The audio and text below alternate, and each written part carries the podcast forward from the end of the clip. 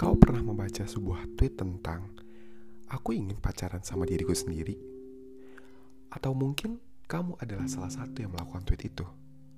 Wow, keren ya, benar-benar keren, hebat.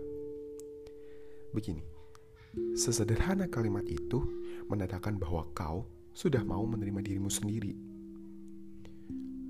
Telah pada tahapan kau mengetahui sisi baik dan sisi buruk yang kau miliki.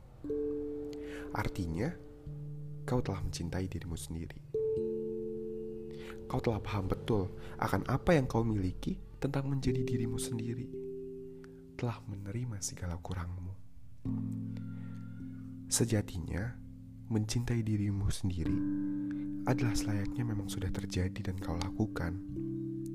Karena ketika kau telah mencintai diri sendiri, kau akan tahu kekuatan untuk melangkah lebih jauh atau menentukan ke mana arah jalanmu.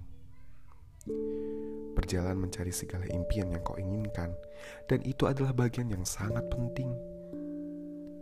Kuharap kau setuju dengan hal itu. Dan pada akhirnya, aku tidak mengizinkan siapa pun untuk melukai diri sendiri dengan alasan apa pun. Karena kau, ya kau,